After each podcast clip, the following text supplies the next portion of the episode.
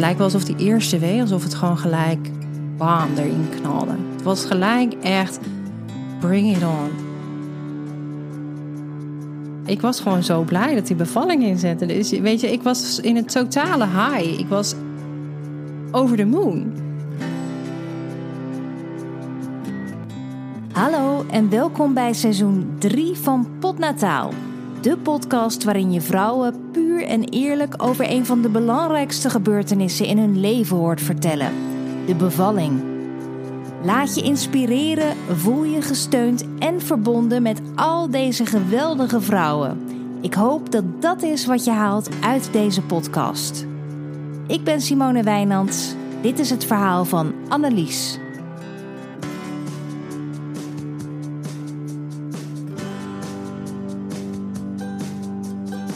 Ik ben Annelies, ik ben 36, ik ben moeder van Fedde en Fiebe en ik woon in Hilversum. Ik uh, ben doula, ik heb de allermooiste baan van de wereld. Ik begeleid zwangeren tijdens de bevalling en in de aanloop daarnaartoe. En ik ben bevallen in 2018 van mijn tweede zoon, Fiebe. Als je het vorige seizoen van Potnataal hebt beluisterd, dan heb je waarschijnlijk de aflevering met Hanneke ook gehoord. En daarin vertelt ze dat ze de hulp van een doula had ingeroepen voor haar tweede bevalling. En die doula heette Annelies. Juist, deze Annelies. Want Hanneke verzekerde mij ervan dat haar doula ook een bijzonder bevallingsverhaal had. En dat klopt. En dat niet alleen. Ze is ook nog eens een hele leuke vrouw met ogen die beginnen te stralen als het heeft over haar grote passie: haar werk als doula. Heerlijk dus om met haar aan de keukentafel te zitten en terug te kijken op haar laatste bevalling en hoe die begon. Het was eigenlijk gelijk heel erg duidelijk. Het was uh, twee uur s'nachts en ik, uh, ik werd wakker en ik moest ineens gelijk heel diep inademen, echt. En uitademen. En ik voelde echt zo'n enorme samentrekking. Ik dacht: wow, dit is heftig. Dit kikte er gelijk echt enorm in. En uh, ik dacht, oké, dat is mooi. Want ik had net die middag daarvoor had ik een acupressuurbehandeling gedaan om, uh, om wat weeën op te gaan wekken. Want mijn baby werd vrij groot geschat. En uh, ik moest ook gaan bevallen naar een eerdere keizersnede. Dus ik dacht, ja, ik, als ik er toch een beetje controle op kan hebben, dan zou het fijn zijn als ik voor de 40 weken beval. En zo geschiedde. Die weeën zetten in. En ik was uh, ja, ongelooflijk trots. Ik was over de moon. Mijn weeën, die Wat, waren er. Hoe ver was je toen? Ik was 39,3. Ja, ja. En bij mijn eerste zoon, verder beviel ik bij uh, 41,4. En ik vond die periode van over tijd gaan, vond ik toch eigenlijk wel echt heel erg pittig. Um, en ik was eigenlijk ook mijn hele zwangerschap best wel bezig van nee, ik wil niet weer die 42 weken aantikken. Hè, met de druk die je erbij kunt ervaren van, van je omgeving. En ik vond het best wel een, uh, ja, toch een lastige tijd. Dus ik dacht, nou, als we nu voor de 40 weken kunnen bevallen, dan uh, ben ik super blij. En ja, dat lukte. Dus je werd zo midden in de nacht uh, wakker. En, en toen was je ook meteen klaar wakker, vol adrenaline opgestaan? Of wat, wat nee, heb je gedaan? Ik ben echt even een tijdje blijven liggen. En ik, ja, ik, ik, ik dacht gewoon: oké, okay, dit is het moment. Dit is het moment waar ik me zo goed op voorbereid heb. En waarin ik gewoon nu mag ik gaan doen waar ik zo naar uit heb gekeken. En ik, uh, ja, ik, ik ging gewoon vol in de weeën zitten. En ik dacht gewoon: ja, ja, ja. Ik had er gewoon ook echt zin in. En uh, na een half uur dat ik echt wel voelde van dat ik die weeën ging wegademen, dacht ik van nee, maar dit is, uh, dit is, het is echt begonnen. En toen um, duwde ik tegen mijn man aan van Patrick, uh, Fiebe komt eraan. Het gaat beginnen. Het is begonnen. Ja, mijn man die ging echt eruit en die ging echt, die was gelijk helemaal een beetje soort van ja, een beetje onrustig. En ik was heel rustig. Ik was echt ik voelde zo'n enorme rust over me heen komen. Omdat dit, dit was wat ik zo graag wilde. Waar ik zo naar verlangde. Dat ik dacht: oké, maar als die bevalling nou gewoon op een mooie termijn voor mij inzet. Hè, omdat die zo groot was. Dacht ik, ja, dan heb ik gewoon uh, alle lichten op groen. Alle lichten op groen. Dat is super belangrijk voor Annelies. Want gedurende haar zwangerschap stonden die lichten alles behalve op groen. Mijn baby werd eigenlijk vanaf, hè, Fiebe werd vrij groot geschat al vanaf de 20 weken echo. En um, nu ben ik absoluut ervan ook dat je tienponders prachtig vaginaal kunt baren. Maar dan moeten de omstandigheden wel goed zijn. En ik moest natuurlijk bevallen naar een iedere keizersnede. Dus ik wilde gewoon daar wel een soort van controle op, omdat het mij rust gaf. Omdat ik dacht van, ja, het is gewoon beter. Omdat het mijn kansen, zeg maar, op een vaginale bevalling um, ja, met zoveel malen vergroten. dan dat ik, zeg maar, richting de 42 weken ging. Want dan verklein je toch wel weer. Als die al groot geschat wordt, um, verklein je wel die kans. En ik weet nog bij week 34, ik had um, heel goed contact met een gynaecoloog waar ik zelf heel veel mee samenwerk. En hij heeft eigenlijk ook mijn hele uh, zwangerschap begeleid. En ik deed bij hem nog een echo bij week 35. En toen kwam hij terug en toen zei hij: ja, Annelies, hij is al 4 kilo. Dus toen dacht ik: ja, dit is wel heftig. Ja, dat doet echt wat met je, omdat je toch denkt: ja, het moet er ook nog uit. Daar komen we straks op. Eerst gaan we nog een stapje verder terug in de tijd. Want om beter te begrijpen waarom het zo'n grote wens was van Annelies om vaginaal te bevallen, hebben we het eerst nog even over haar eerste bevalling, die anders liep dan gedacht. Ik wilde heel graag thuis bevallen. Ik had ook alles daarvoor helemaal geregeld. Uh, ik was goed voorbereid. Ik had een bevalbad. Ik had ja, alles. Ik was zes weken van tevoren nog overgestapt naar een andere verloskundige die badbevallingen begeleidde. En dat was helemaal zoals ik het ging doen. Um, bij 7, 8 centimeter. De vliezen die stonden nog en de verloskundige had de vliezen gebroken. En toen bleek er dus meconiumhoudend vruchtwater. Hè, dus dat de baby in het vruchtwater heeft gepoept. En toen heeft ze me toch overgedragen naar de tweede lijn, dus naar het ziekenhuis. En um, ja, daar ben ik aangekomen en, en ben ik gewoon doorgegaan. En um, op een gegeven moment kreeg, um, had ik volledig ontsluiting. Ook in, de, in het ziekenhuis voelde ik me op mijn gemak. Werden we met rust gelaten. Had ik vanuit thuis naar het ziekenhuis had ik volledig de regie. Maar op een gegeven moment ja, waren er toch wel zorgen over de conditie van Fedde. En um, ja, hebben, we, um, hebben ze nog een aantal onderzoeken verricht om te kijken van hè, kan ik nog door? Uh, dat zijn dan micro-bloedonderzoeken. Dus hè, dan doen ze een sneetje maken in het hoofd van de baby om te kijken wat de zuurtegraad is. En die was op dat moment was die nog optimaal, was goed, dus ik kon door. Maar op een gegeven moment werd het wel echt minder. En dat zag je ook eigenlijk terug in het CTG. De hartslag van verder ging steeds meer diepen. En op een gegeven moment was er wel sprake van fetale nood. En gingen we echt met spoed naar de OK. En kreeg je dat zelf toen op dat moment ook echt mee? Nou, er, want dan is er wel een panieksituatie. Ja, ik was wel echt heel rustig en wel. Um, ik had die, die, die keizersnede had ik absoluut niet. Uh, ja, uh, door. Of dat het überhaupt niet, niet hè, dat, dat, een, dat we daar naartoe gingen werken. Maar wat ik wel weet is, op een gegeven moment had ik volledig ontsluiting. En verder die lag nog heel erg hoog in het bekken. En ik kwam eigenlijk ook iedere keer niet omlaag. En ja, om, om je baby uit te kunnen drijven, moet je natuurlijk wel, hè, moet voor de, voor de bekkenuitgang, voor de geboorteuitgang liggen. En ja, en dus eigenlijk met alle uh, omstandigheden erbij, denk ik dat we op dat moment een hele goede keuze hebben gemaakt. En um, ja, kijk ik ook echt terug op een hele goede bevalling. Ik was super trots.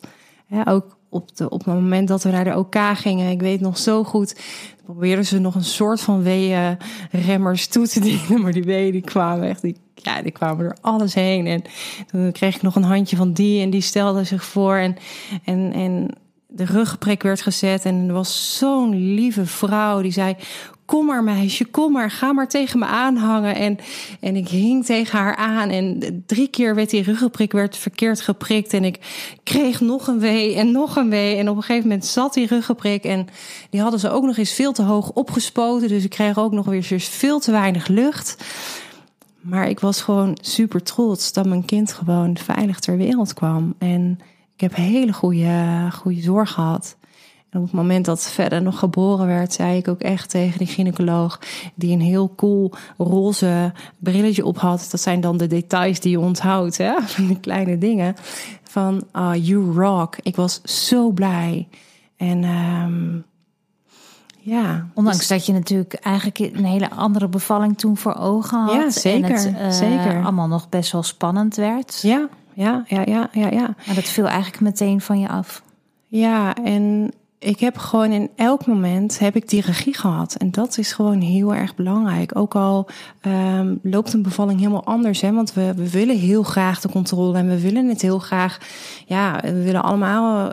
Je wil die optima. Je wil het allerbeste eruit halen. Maar ook op het moment dat een bevalling anders loopt, moet je je echt kunnen overgeven aan wat er is. En die, dat vertrouwen had ik. Ik had hele fijne mensen om me heen. En ik voelde me echt gesteund. En ik dacht van ja, dit is mijn moment. We gaan hier een feestje van maken. Verder komt eraan. Een pittige eerste bevalling dus, waar Annelies desondanks heel tevreden en met een goed gevoel op terugkijkt. Want niet alleen maakt het haar moeder van een prachtige zoon, de eerste bevalling zorgde er uiteindelijk ook voor dat ze haar carrière een compleet andere wending gaf. Verder die had een, uh, een aangeboren afwijking. Dat was eigenlijk al bij week 20 uh, kwam dat naar voren. Dus hij had een, een klompvoet. En uh, er waren toen nog best wel zorgen over dat het misschien verwant kon zijn aan Down of andere chromosoomafwijkingen. En op het moment van geboorte was het dus echt ook alleen maar uh, een, een klomp voet die wel dusdanig ernstig was dat we heel veel naar het ziekenhuis moesten. We hadden iets van um, in negen maanden tijd drie operaties, ja, 40 ziekenhuisbezoeken, iedere week gipsen. Het was echt wel een hele heftige tijd. En wat voor mij echt de doorslag is geweest en wat echt mijn leven heeft veranderd, is dat ik Um, op het moment dat wij naar het ziekenhuis moesten en um, voor onderzoek voor verder. Toen stond er een auto voor de deur bij het uh, Wilhelmina Kinderziekenhuis in Utrecht. En er stond een vrouw die was aan het bevallen en die was echt compleet hysterisch in paniek. Maar die was echt aan het schreeuwen, aan het gillen. Maar we waren te laat en we moesten heel snel naar boven, naar die afspraak toe. En op een gegeven moment staan we bij de lift en ik zeg tegen mijn man: Ja, weet je, ik kan niet. Ik kan niet nu naar boven. Ik kan niet die vrouw alleen laten. Ik ga nu naar haar toe. Dus ik heb, ben weer teruggegaan. Toen deed ik die deur open en toen zei ik: Hoi, ik ben Annelies en mag, mag ik je aanraken? Mag ik mijn hand op je buik leggen? En ik zei: Oké, kijk me aan. En we gaan eerst samen heel rustig ademen. Dus we gingen echt heel rustig um, ademen. En ik zag haar van compleet hysterisch. Ik zeg altijd van, als als ze op, op een flatgebouw had gestaan, dan was gesprongen. Ze was zo in paniek. En toen um, werd ze heel rustig. En ik zei, ik ga ook niet meer bij je weg. Ik blijf bij je. Ik breng je naar de verloskamers. En dat heb ik gedaan. En um, ja, die vrouw heeft mijn leven veranderd. Daarna voelde ik van, ja, weet je... Dit, is, dit, is, dit moet zo zijn. Dit moet zo zijn bijzonder eigenlijk. Ja, en ook, maar was zij helemaal alleen dan ook? Was er niemand Haar partner, bij jawel, haar partner die, die stond bij de auto, maar die was, die was ook zo perplex door al haar geschreeuw. Die was gewoon helemaal, die, die bevroor helemaal, die verkrampt helemaal. Die, ja, je zag ook aan hem van, die wist gewoon echt niet meer wat hij moest doen. En alsof ik als een soort van, uh, alsof ik daar gewoon op dat moment echt moest zijn. Maar wel wonderlijk ook dat zij dat dan toeliet. Ik bedoel, ja, ja, ja. ja je denkt dan, uh, als ik nu dit verhaal zou horen, zou ik ook denken misschien van. Hallo, ik vreemde vrouw, wat, wat moet je van me? Ja, ja, ja. ja dat zou, had ze natuurlijk ook kunnen denken, nee. maar op de een of andere Zij was echt in nood, zij was echt in paniek. Zij was echt totaal buiten zichzelf. En ik was op dat moment, was ik gewoon ja, die persoon die naar haar luisterde en zei: Oké, dit komt goed, vertrouw op jezelf, we kunnen dit. Oké, ik ga een rolstoel voor je halen. Ik laat je niet meer alleen. Ik blijf bij je. Adem met me mee. En op een gegeven moment had ik er in die rolstoel gezet. En toen gingen we echt. ik rende echt naar de lift toen. Kwam er weer mee. Toen ging ze weer. Oh, ging ze weer hard, heel hard schreeuwen. Toen zei ik ook: nee, niet doen. We gaan. En, nou, en iedere keer kreeg ik er weer, kreeg ik er rustig. En uh, ik heb de volgende dag toen ook nog gebeld naar het ziekenhuis van, uh, ja, kan ik die mevrouw spreken? Want uh, ja, ik zou heel graag nog contact met haar willen. Maar jij hebt natuurlijk wisselingen van diensten. En um, dus ik heb deze mevrouw nooit meer gesproken. Maar die mevrouw heeft echt uh, ja, mijn leven veranderd. Ja, bijzonder. Maar ook dat zij, zij was waarschijnlijk helemaal niet meer in de mindset dat ze daarna nog waarschijnlijk nee. aan heeft gedacht om contact met jou nee, uh, te Nee, nee, maar het was, het was gewoon alsof het, het was op de juiste plek, op het juiste moment. Ja, dat, dat heb je zo, soms heb je van die ontmoetingen. Ja. En, uh, en ik voelde wel van oké, okay, hier ga ik, uh, hier, dit komt niet voor niets. Ik, ik ga hier wat mee doen. Annelies voegt daad bij woord. Ze gaat een opleiding tot doula volgen en zegt haar baan waar ze zich eigenlijk toch al niet meer op haar plek voelde, op.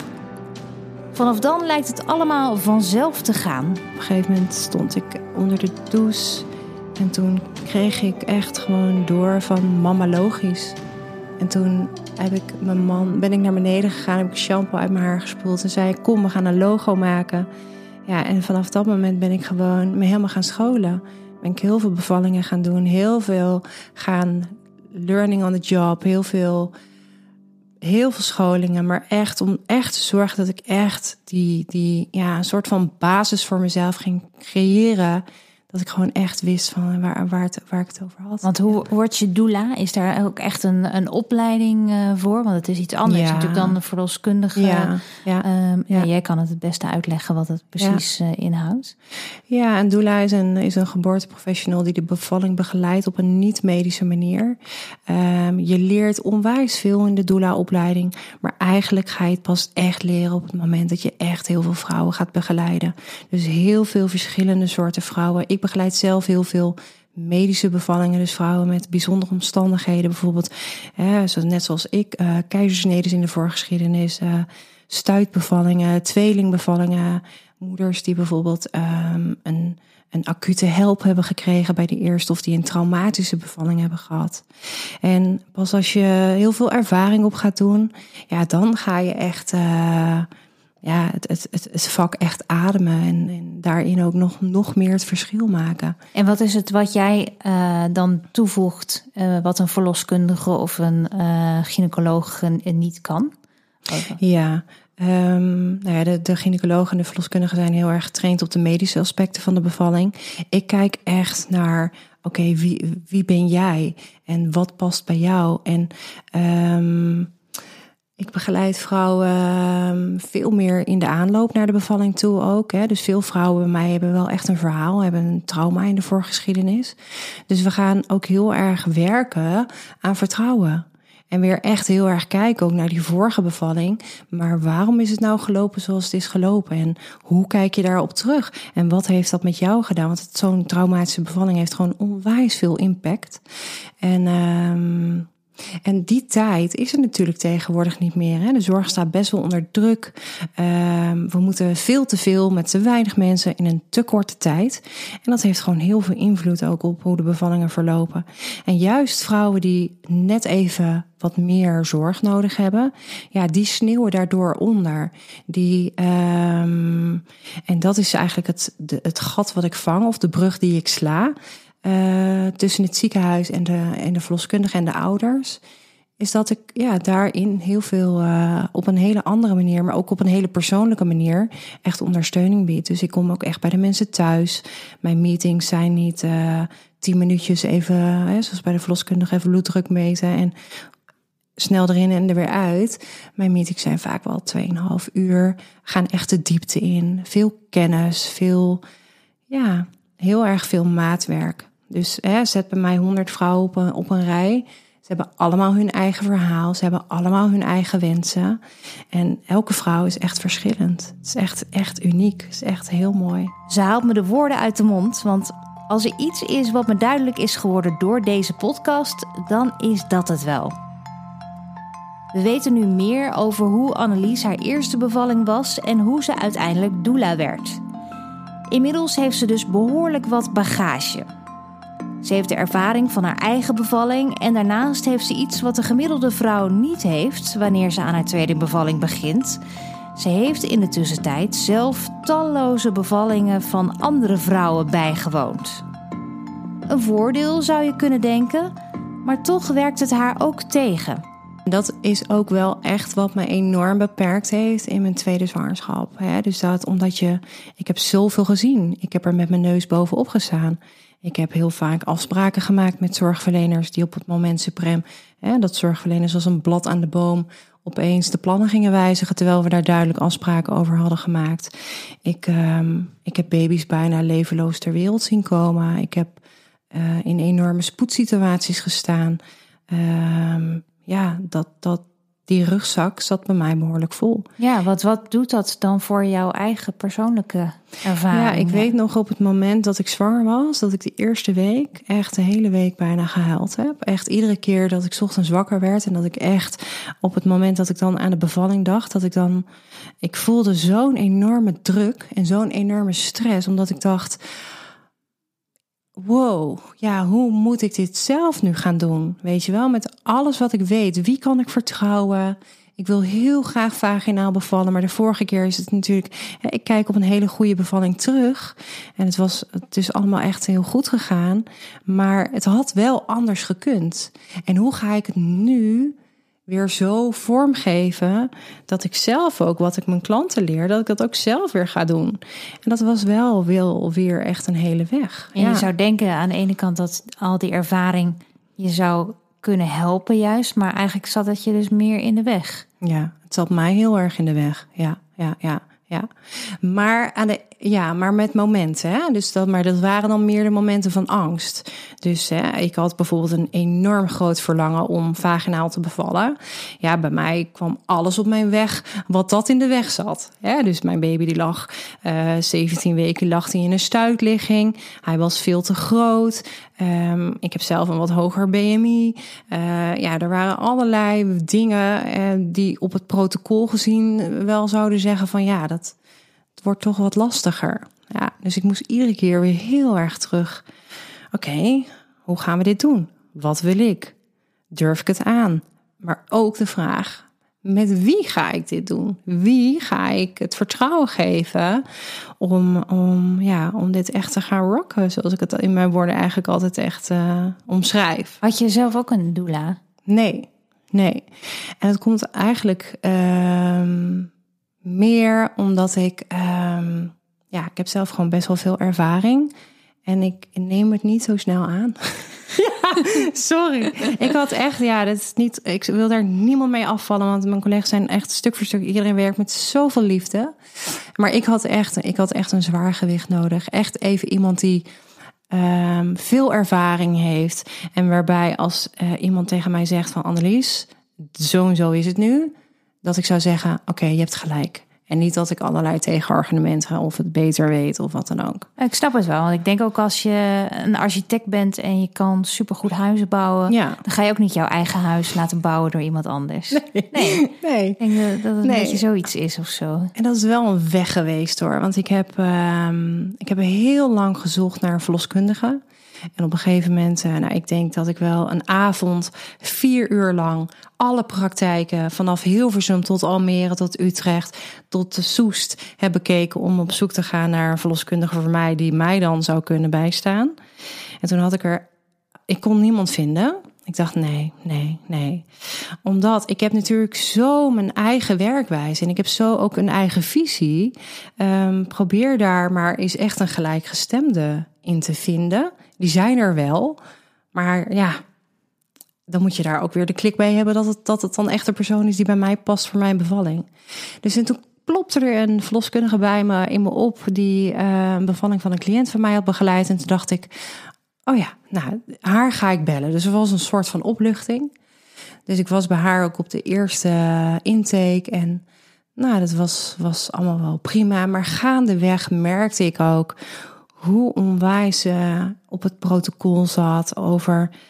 En ik, ja, het, het beklemde mij gewoon heel erg enorm dat ik ja, iedere keer probeerde ze mij toch een beetje in haar bootje te krijgen, in de richtlijnen. Um, over, hè, ik, heb dan iets een hoger gewicht. Nou, dan had je weer hogere kans op preeclampsie, terwijl dat helemaal geen factor daarvoor is. Maar um, dan moest ik weer op de weegschaal en ik mocht liever niet van haar thuis bevallen. Um, zo ging eigenlijk allerlei voorwaarden aanhangen. op een gegeven moment merkte ik van, ja, weet je, dit werkt gewoon niet.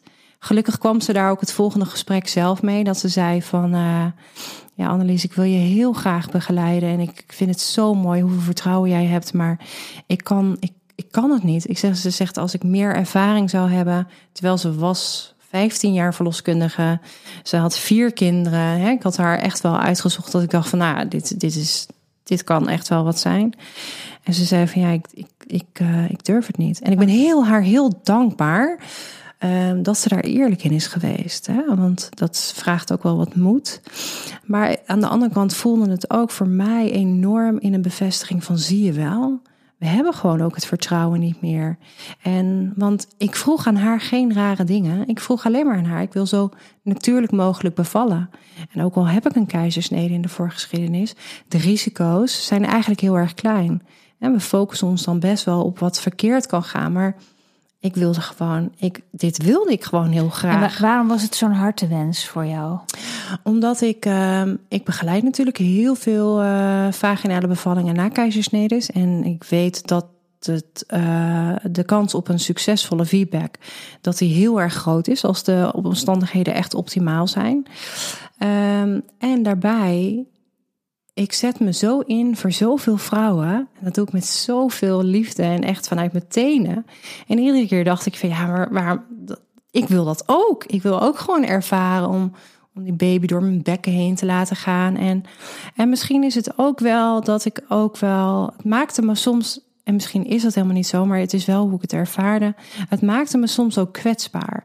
Dus op het moment dat ik bij ouders zat met een intake of met een intake of tijdens de gesprekken tijden voor de voorbereiding voor de bevalling en dat het dan toch op mijn bevalling kwam, dan en dan ik toch moest zeggen van ja, uiteindelijk is een spoedkeizersnede geworden, dan had ik toch altijd wel het gevoel alsof ik soort van drie treetjes naar beneden ging. En ik wil echt niet zeggen dat je, dat je beter bent als je vaginaal bevalt. Nee, totaal niet. Hè? Want ook al heb je een keizersnede, ook al beval je vaginaal je baby, zet je op de wereld met alles wat je in, in je hebt, hoe ongeacht de manier waarop. Maar het was voor mij wel gewoon, ik, ik gunde het mezelf. Ik wilde dat gewoon heel graag, omdat ik, omdat ik er zo in geloof dat het kan. Aan het vertrouwen van Annelies ligt het niet, maar haar verloskundige krabbelt dus terug. Een gekke situatie als je halverwege je zwangerschap bent. Maar Annelies laat zich er niet door uit het veld slaan. En toen heb ik uh, iets van uh, zeven weken geen verloskundige gehad. En dat was eigenlijk de beste tijd van mijn zwangerschap. en waarom? Niemand bemoeide zich met mij. Weet je wel, ik kon gewoon, ja, het was echt en wel een, ook een soort van doorbraak voor mij. Van oké, weer heel erg in, in, in ja, mijn regie terugpakken. En ook gewoon blijven staan voor, voor mijn eigen keuzes. In welke weken zat je dan uh, zonder? Ja, dat was week 17 tot en met week 25. Oh, best wel belangrijke weken dus. Ja, hoe, hoe, heb je ja. dat opgelost met zo'n 20 weken echo en zo, dat soort dingen? Ja. Ja, ik werk uh, samen met, uh, met Koen fantastisch gynaecoloog in, uh, in Utrecht. En um, ik heb met hem dan ja, heel veel contact gehad over mijn, over mijn zwangerschap. Dus ik kon ook altijd bij hem terecht. Dus ook op het moment dat ik geen zorg had, wist ik altijd dat als er iets is, dat ik altijd bij hem kon aankloppen van ja, voor, voor wat dan ook. Ja. Ja, dus dat was wel een beetje mijn vangnet. Ja. Maar toen heb je uiteindelijk een andere verloskundige gevonden? Ja, ja, ja. Um, op een gegeven moment, op een avond, lag ik in bed. En toen, toen zei ik echt: Oké, stuur me een wijze vrouw. Stuur me echt een wijze vrouw die me hierbij gaat helpen. En het was heel bijzonder. De volgende dag liep ik op, uh, op een winkelstraatje bij mij om de hoek. Om de hoek. En mijn vriendin had daar uh, een winkel. En ik kwam daar de winkel binnenlopen en ik zie daar opeens Marjel zitten. En Marjel is een verloskundige. En uh, we hadden elkaar al een paar keer eerder in de winkel ontmoet. En zij, zij zat daar opeens. En ik zei: Hé hey Marjel, hey Annelies, ben je zwanger? En uh, ja, ja, ja. En ik barstte ook gelijk naar huilen uit. Want ik zei: Ja, mijn verloskundige heeft me laten gaan. En ik wow, het is allemaal even zo, uh, ja, even onrustig. Toen zei ze, oh echt? Oh, zegt ze, maar dan gaan we, dan gaan we toch helemaal oplossen. Ze zegt, weet je wat? Ik wil jou laten voelen wat jij je cliënten laat voelen. Dus, uh, maar laat me er een week over nadenken, want ik kan het je niet nu gelijk toezeggen. Um, ik kom bij je terug, maar we gaan, we gaan, ik wil het samen gaan doen. En dat was ook weer zo'n bijzonder moment dat ik dacht, ja, dit moet zo zijn. Dit moet zo zijn. En ze belde me na een week op en ze zei, Annelies, we gaan dit doen. En vanaf dat moment had ik Marjel aan boord. Marjel was echt een soort van zwaar gewicht. Ze heeft al, denk ik, nou, zo'n 3000 bevallingen begeleid. Die draait haar hand nergens voor om. Die, die, ja, dat is gewoon heerlijk. Wij spraken dezelfde taal en wij, ja, wij gingen er echt een feestje van maken. Wij waren echt een team. Dat was gewoon, ja, dat, dat, dat, dat was goud. Ja. Heb je dit al eens een keer geprobeerd met uh, de, de loterij? Dat je in bed lag en dacht: uh, Ik ja. moet de loterij winnen. Ja. Stuur, stuur nee, nee, nee, nee, nee. op me afje. Nee, nee, nee. Maar waar het maar meer om gaat, is dat je toch op het moment, dus dat eigenlijk heel veel zekerheden wegvallen, is dat je toch het vertrouwen blijft houden dat het goed komt. Ja. En ik doe dat dan op zo'n manier dat ik gewoon, oké, okay, ja, toch een soort van steun vraag om hun van ja, oké, okay, dit is wat ik, uh, ik heb iemand nodig. We doen een fast forward en we zijn weer terugbeland in de slaapkamer van Annelies, vlak voor haar tweede bevalling. Haar vliezen zijn nog niet gebroken en ze voelt zich fantastisch, omdat ze aan alles voelt dat ze haar bevalling gaat rocken, om even in haar woorden te spreken. Ik had wel bedacht dat ik gewoon het liefst zo lang mogelijk thuis wilde blijven. Zonder iemand, dus gewoon echt alleen. Maar op het moment dus dat je echt wel een harde medische indicatie hebt. Hè, dus met die keizersnee in de voorgeschiedenis willen ze eigenlijk het liefst dat je zo snel mogelijk komt. Nou, dat was niet mijn plan. Dus ik uh, heb ongeveer uh, ja, tot zo ochtends half negen zijn we thuis gebleven. En um, ik heb gewoon ja, die weeën gewoon weggezucht. Ik heb uh, de Elletens opgeplakt. Dat is dus een uh, apparaatje wat zorgt voor dat je de weeën beter kunt, uh, kunt opvangen. Was heel fijn. En, um, en waren ze meteen ook heel regelmatig? Ja, ja, ja, ja. Het, het kikte er echt. Dat zei ik vanaf het moment dat hij. Het lijkt wel alsof die eerste wee, alsof het gewoon gelijk bam erin knalde. Het was gelijk echt bring it on. Het was, het was best heftig ook. Ja, ik dacht ook wel van wow. Ja. En je zoontje was die uh, nog thuis op dat moment? Ja, ja die, was, die lag nog in bed. Dus, uh, en ik ben al die tijd uh, ben ik op de slaapkamer gebleven. Ik had lekker zo'n zoutlamp had ik uh, aanstaan. Ik had mooie muziek aanstaan met een heel mooi nummer van The Great I Am. Dat was een heel belangrijk nummer in mijn zwangerschap van Fedde. En dus die had ik aanstaan. En mijn man die was ja, wat dingen aan het regelen. En ik, de tijd die vloog, ja. Ja, en toen op een gegeven moment dacht ik wel van... oké, maar dit, volgens mij gaat het nu wel snel. Oké, ik moet nu wel even gaan bellen. Verloskundige Marielle wordt gebeld en Annelies, haar moeder, wordt opgetrommeld om op te passen op haar oudste zoon. En ze belt het ziekenhuis zelf vast. En toen zijn we in de auto uh, naar het ziekenhuis gegaan. Onderweg nog dikke vette file. En hoe zat je dan in de auto? Ja, met, ik, had, ik zat vol in de actieve fase. Dus ik zat echt met killerweeën zat ik in die auto. Dus echt, ha, echt die geluiden. Oh, het was echt hilarisch. Maar ook file. Weet je wel, dus ik, ik, ja, ik heb ook een video erover gemaakt en dan hoor je mij ook echt zeggen: Ja, dit is zo shit, weet je wel. maar gelukkig staat er zo meteen een bad voor me klaar. Dus dat was wel, wel de, de beloning op, uh, die rit. Ik was gewoon zo blij dat die bevalling inzette. Dus weet je, ik was in het totale high. Ik was over de moon. Ik was gewoon echt super happy. En uh, kwamen in de diak aan en toen uh, was er een verpleegkundige uh, die ik ook, uh, waar ik al veel bevallingen mee had gedaan. En ik kwam aan en ze zei van ja, je bent veel te laat en het is bijna negen uur en waarom ben je zo, zo laat? Dus ik was al eigenlijk wel geïrriteerd dat ik dacht van ja, weet je, ik ben ruim op tijd. Dus ook wat ik zei van joh, ik ben hartstikke op tijd. ja, zegt ze ja, ik had al in je status gezien dat je een hele grote baby verwacht. En jeetje, ja, je buik is ook wel echt, echt heel groot. Nou, ik had hem natuurlijk gelijk echt wel zitten, weet je wel. Ik dacht echt, nou... Heel onaardig ja, ook. Heel, ja, onaardig, maar ook um, wel weer heftig... wat zo'n opmerking gewoon even, terwijl je aan het bevallen bent... met je kan doen, hè. En ik had uh, die dag daarvoor had ik nog een hele mooie koptelefoon gekocht met uh, noise cancelling. En ik had ook voor mijn bevalling had ik door een uh, pianist had ik speciaal um, anderhalf uur muziek laten componeren, speciaal voor de bevalling. Helemaal ook afgestemd op, op, op mijn bevalling. Ja, klinkt dus, was echt heel oh, mooi. Dat was echt heel bijzonder. Dit is een klein stukje van hoe de bevallingsmuziek van Annelies klonk.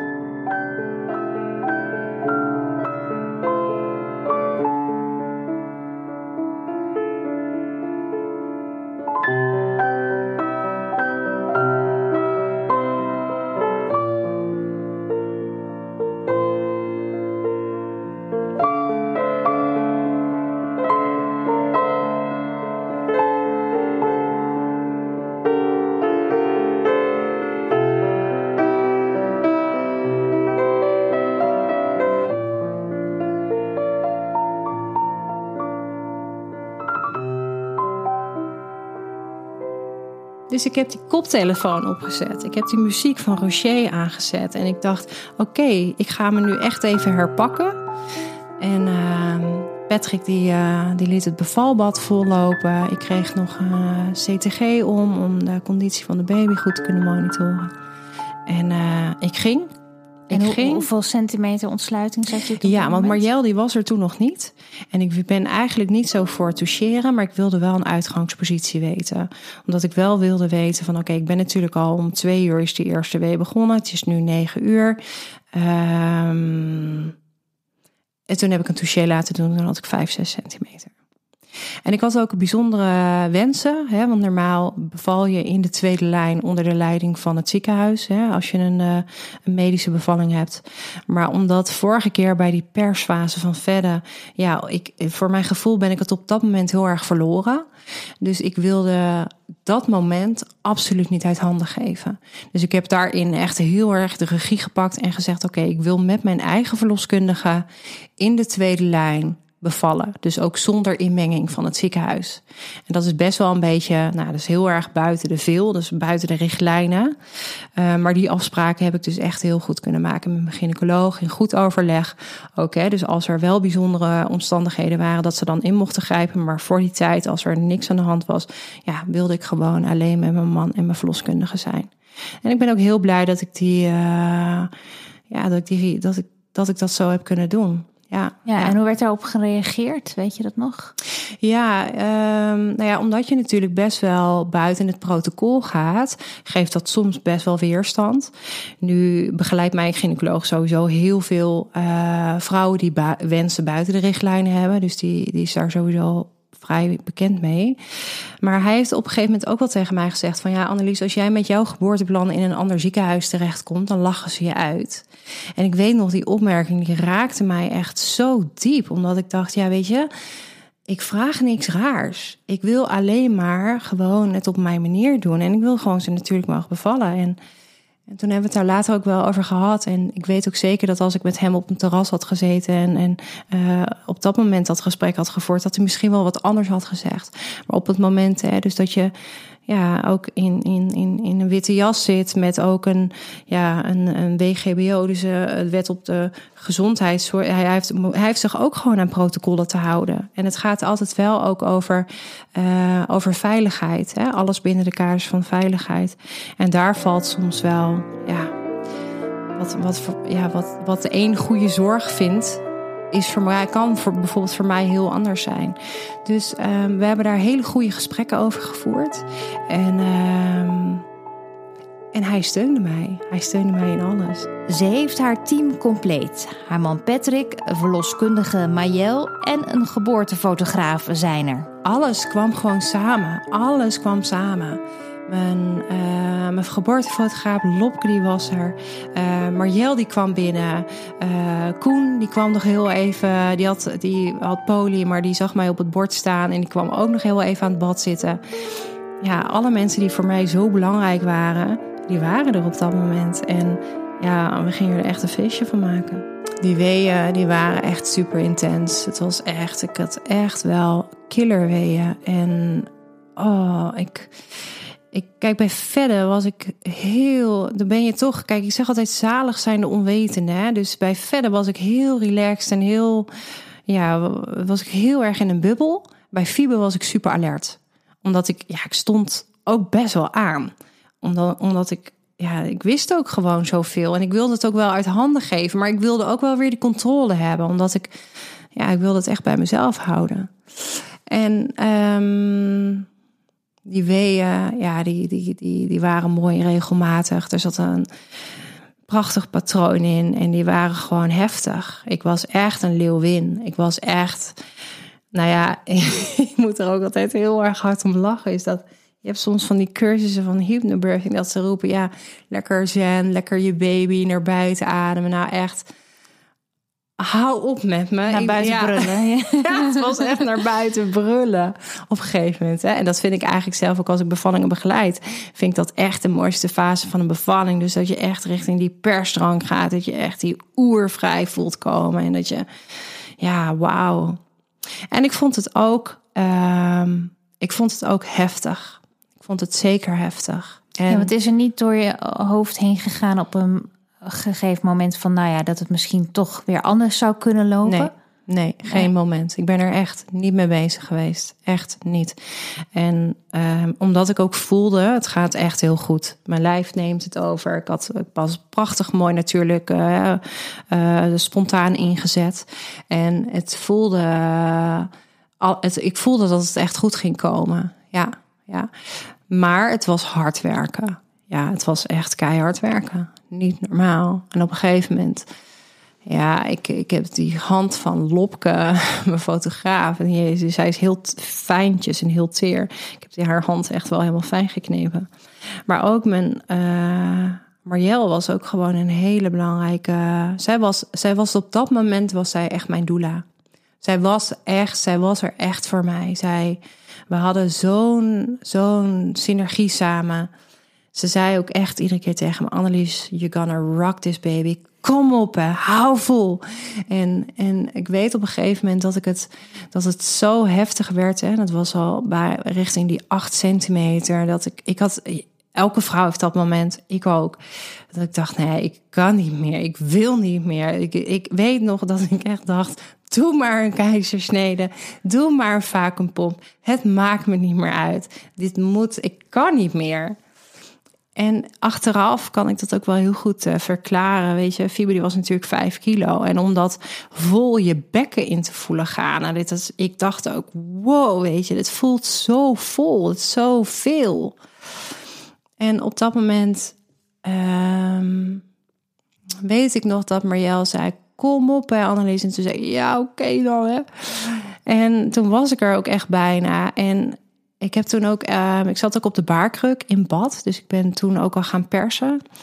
En op het moment dat ik het echt even niet meer wist en bijna mijn hap uit het bad nam, toen heb ik echt even heel bewust ben ik gaan voelen. En toen voelde ik al een segment. En toen voelde ik al haartjes. En toen dacht ik, oké, nu gaan we het doen. Nu gaan we het doen. Kom op.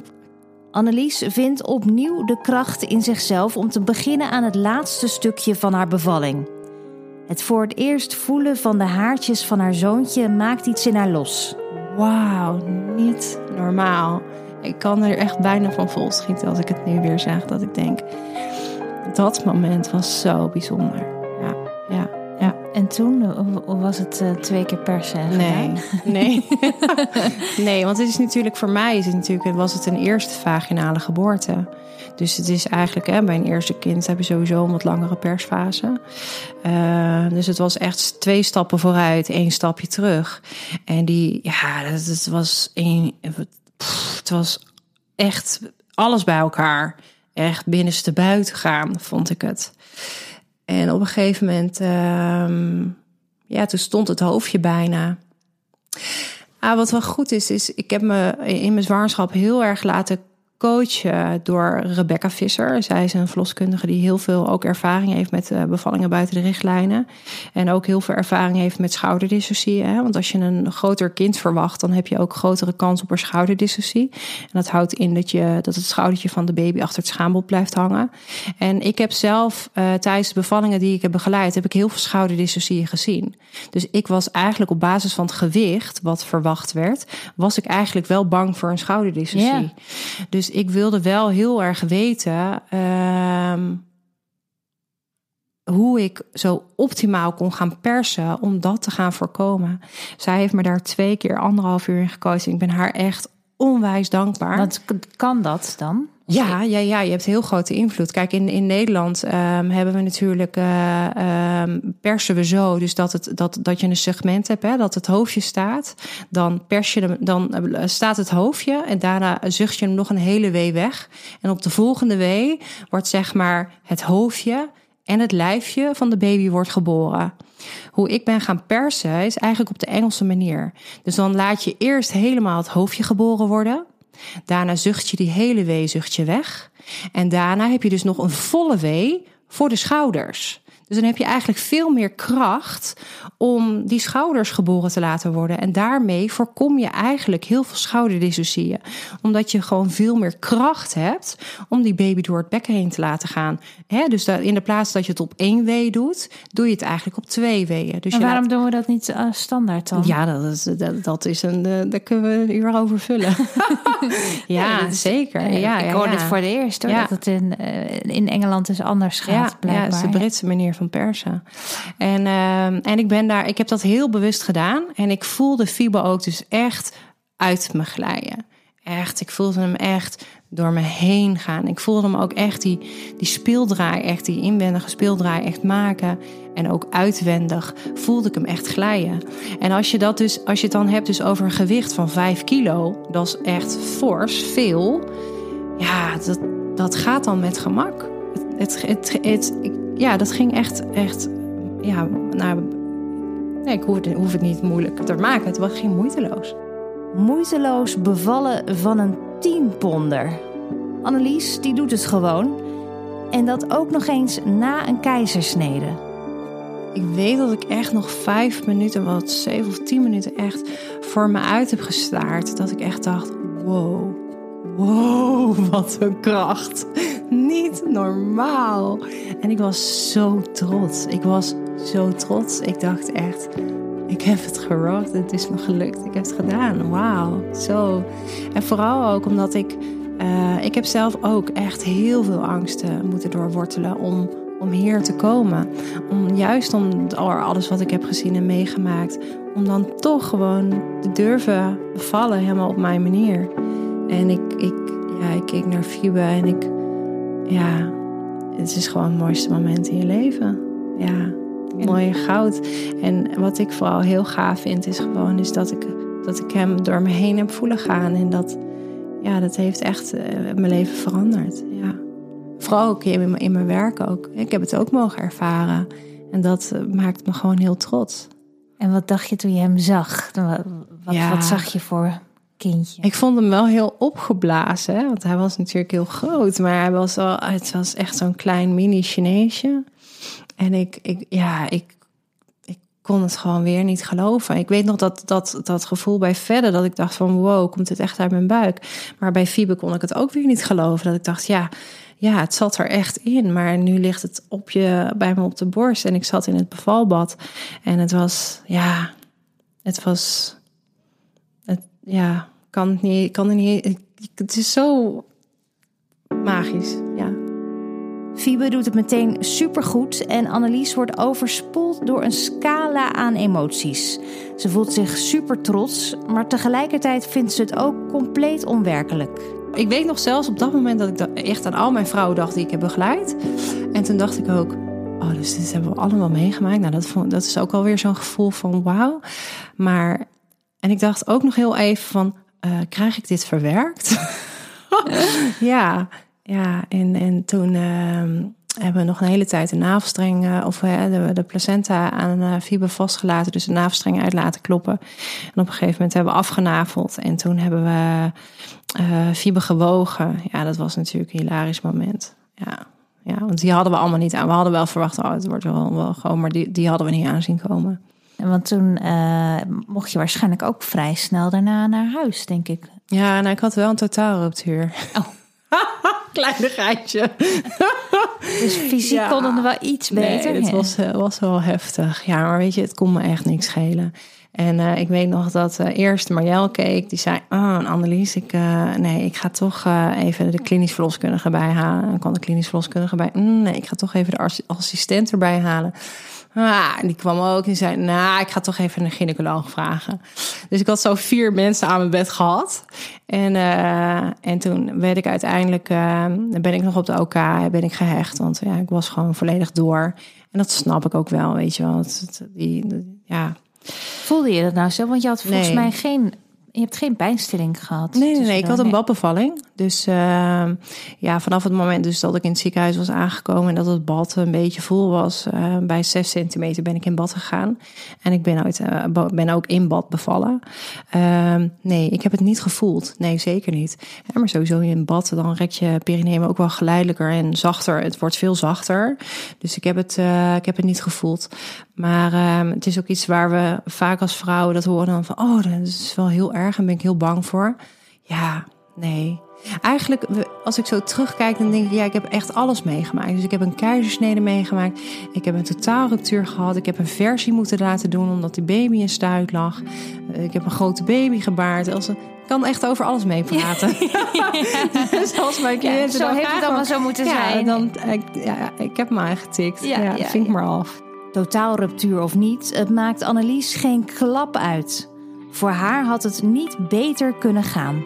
Ik lag echt te shine in mijn bed. Ik was echt zo trots. En ja, Fiber die deed het ook gewoon gelijk heel goed. Hij hapte goed aan met de borstvoeding. En uh, ja, je kreeg mij er niet van af. Ik was gewoon zo blij. Maar het herstel was wel pittig. Dus dat, onderschat, dat, dat, maak ik echt niet uh, rooskleurig. Nee, dat was wel pittig. Maar kijk, bij zo'n keizersnede, ik was echt wel drie, vier weken heb ik echt met mijn hand onder mijn buik gelopen. Ik kon de trap niet op, trap niet af. Het was echt een drama. Ik vond het echt pittig, dat herstel. En daarom, misschien ben ik bij Fibe ook wel, was ik misschien wel iets te hyper de piep. Want echt op dag tien lap, eh, liep ik al bij Flavorites in Amsterdam met allemaal van die webshop kraampjes uh, met Fibe in de doek. Had eigenlijk niet gekund, maar ik was zo blij van, ik, ik voel me goed. Ik, ik, ik, ja, ik kon echt, kon het aan. Ja. Ja, en, um, en het is uiteindelijk ook helemaal goed gekomen. Dus uh, ja. Ja, maar het is niet zo dat je meteen uh, een uur later naast je bed stond uh, te springen, zeg maar. Dat nee. was niet nee, nee, geen optie. Nee, maar ik was wel ja. mobiel. Ik ja. was zeker mobiel. En ik...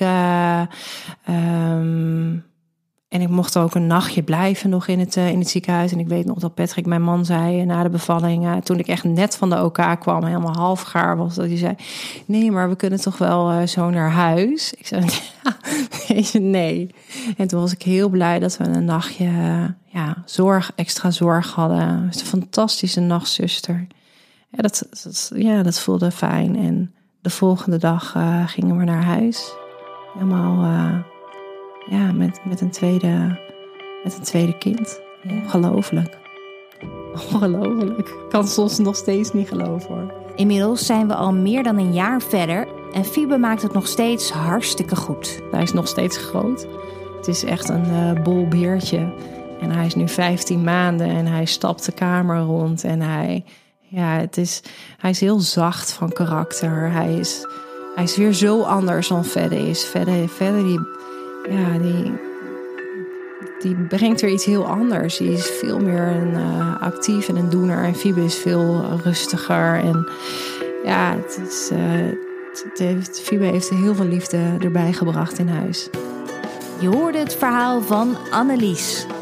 Dit is voorlopig even de laatste aflevering van dit seizoen. Maar niet getreurd, want ik heb ook nog een mooie bonusaflevering klaarstaan. Vergeet niet om Potnataal een 5-sterren recensie te geven in iTunes. Op die manier zorg je ervoor dat nog meer mensen deze podcast makkelijk kunnen vinden en zodat hij door kan blijven gaan. En als je je abonneert, dan krijg je altijd een melding als er een nieuwe aflevering is. Wil je mij een persoonlijk bericht sturen naar aanleiding van deze podcast? Doe dat dan even via mijn Instagram-account. Dat is @simonewijnands Sowieso handig om mij even te volgen daar, want daar laat ik ook weten wanneer je seizoen 4 kunt verwachten.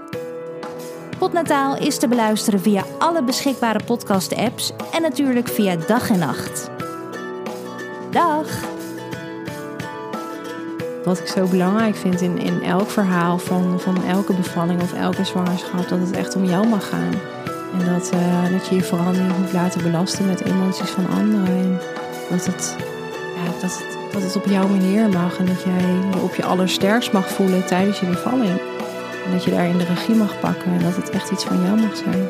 En ook al is dat een keizersnede, ook al is dat een vaginaal in een hutje op de hei of thuis in een bad, dat maakt niet uit. Als jij maar echt, echt kiest voor jezelf.